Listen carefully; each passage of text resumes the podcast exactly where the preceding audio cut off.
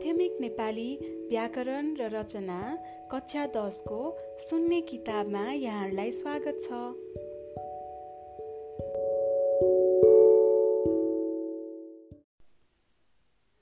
औ चन्द्रबिन्दु शिरबिन्दु र पञ्चम वर्णको प्रयोग। शिरबिन्दु भनेको माथि एक थोप्लो पञ्चम वर्ण हो भने चन्द्रबिन्दु भनेको माथि चन्द्र जस्तो आकार हुन्छ जुन चाहिँ नासिक्य ध्वनि हो।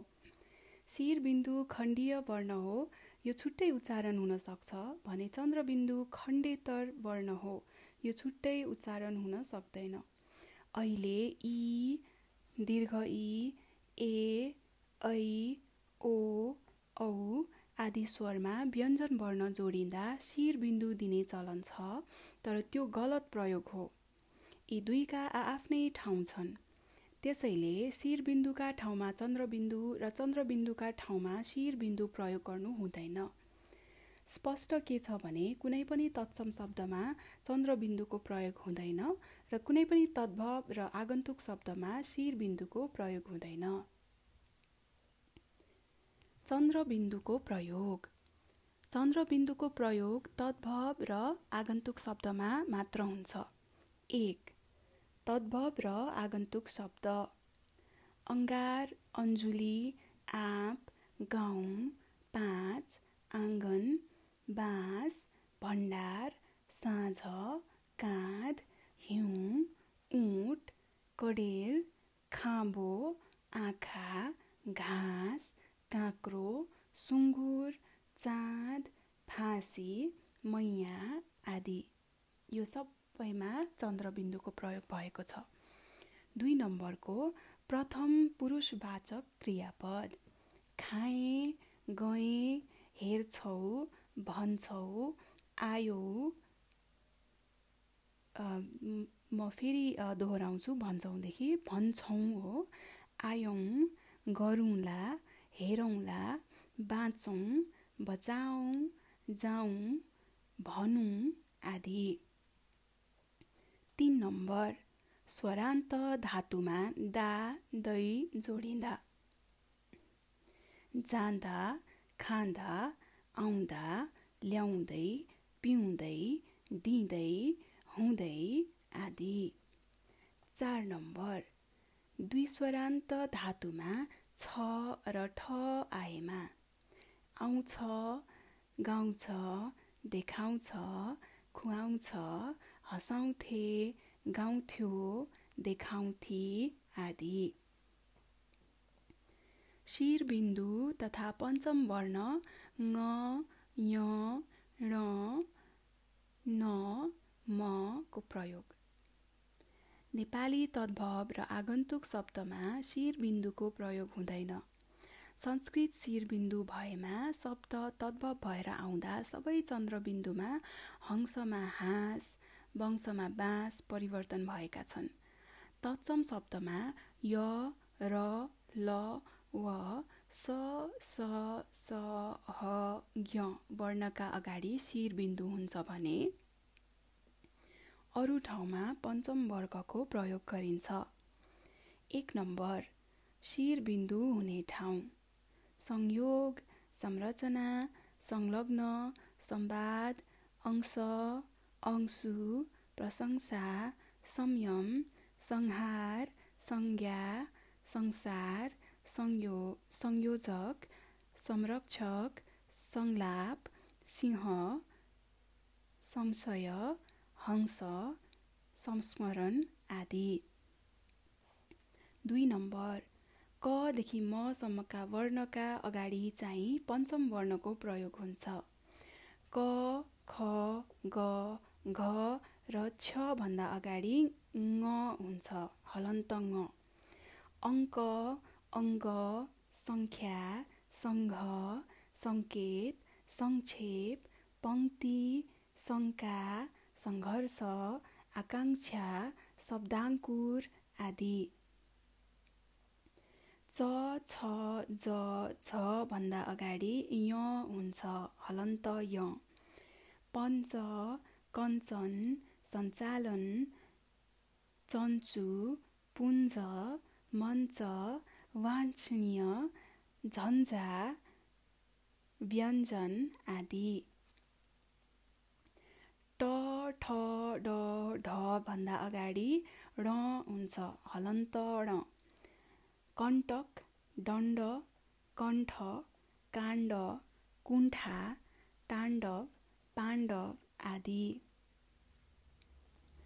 त ठ ड ढ न र त्र भन्दा अगाडि हलन्त न हुन्छ। कान्ति क्रान्ति शान्ति गन्तव्य तन्तु ग्रन्थ छन्द गन्ध बन्धन निबन्ध उन्नति मन्त्री सन्तास आदि। प फ ब भ म भन्दा अगाडि हलन्त म हुन्छ। सम्पन्न गुम्फन बिम्ब लम्बोदर स्तम्भ शम्भु सम्बन्ध सम्मान आदि।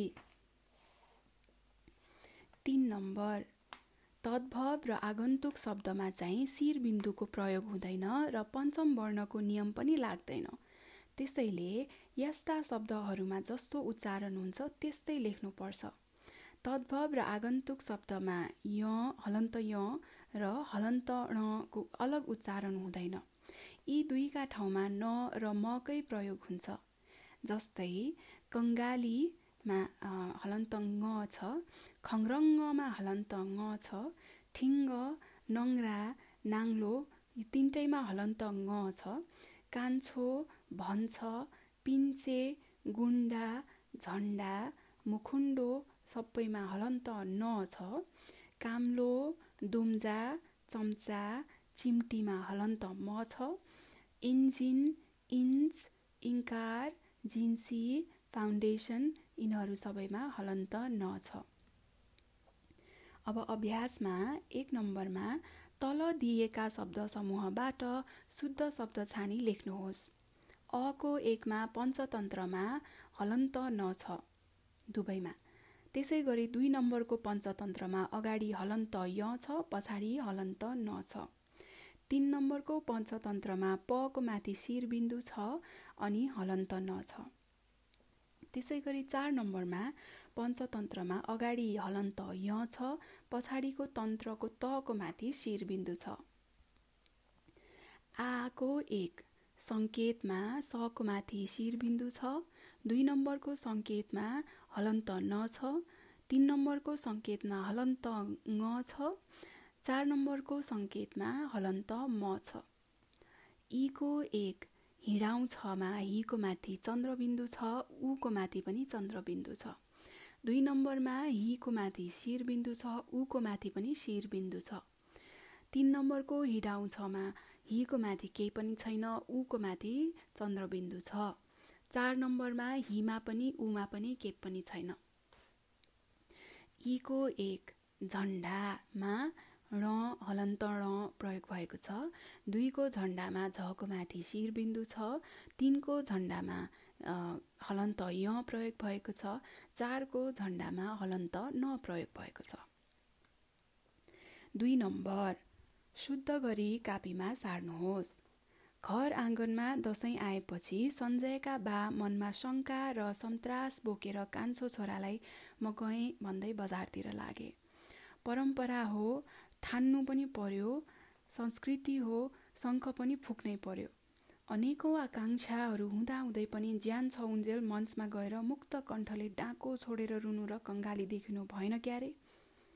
अब म यसलाई विस्तार रूपमा भन्छु घर आँगनको आको माथि शिरबिन्दु छ दसैँमा सहीको माथि शिरबिन्दु छ आएपछि सञ्जयमा हलन्त न छ बामा ब छ मनका शङ्कामा माथि शिरबिन्दु छ सको माथि र सन्तासमा पातलो स हलन्त म छ बोकेर कान्छोमा हलन्त य छ छोरालाई म गएँमा एको माथि शिरबिन्दु छ भन्दै बजारतिर लागे। परम्परामा रको माथि शिरबिन्दु छ ठान्नुमा हलन्त न छ पनि पर्यो। संस्कृतिको सको माथि चन्द्रबिन्दु छ हो शङ्खको माथि सको माथि शिरबिन्दु छ पनि फुक्नै पर्यो। अनेकौँमा कौको माथि शिरबिन्दु छ आकाङ्क्षामा काको माथि शिरबिन्दु छ हुँदा हुँदैमा दुवै हुँको माथि शिरबिन्दु छ।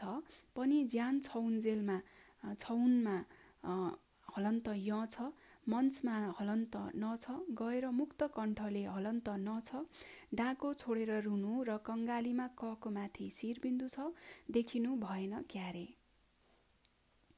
अब ख नम्बरमा तलको अनुच्छेदलाई श्रुति लेखन गरेर शिरबिन्दु चन्द्रबिन्दु र पञ्चम वर्णको प्रयोग सम्बन्धी नियम सिक्नुहोस्। मैले आँखामा संसार राखेर हिउँसँग संवाद गर्ने मौका पाएँ। हंसबाट हाँस र वंशबाट बाँस बने जस्तै पञ्चबाट पाँच बनेको कुरा थाहा पाएपछि गाउँ ठाउँतिर जाउँ जस्तो लाग्यो र सङ्गीतबद्ध गीत गाउँदै त्यतातिर लागेँ। मञ्चमा कलाकारहरूले अङ्ग अङ्ग नचाउँदै ताण्डव नृत्य गरेको देखेपछि निकै सन्तुष्टि पाएको अनुभूति भयो। मान्छेको सम्पत्ति सम्वेग हो तर त्यसलाई कुण्ठामा रूपान्तरण गर्नु हुँदैन भन्ने मैले बुझेको छु।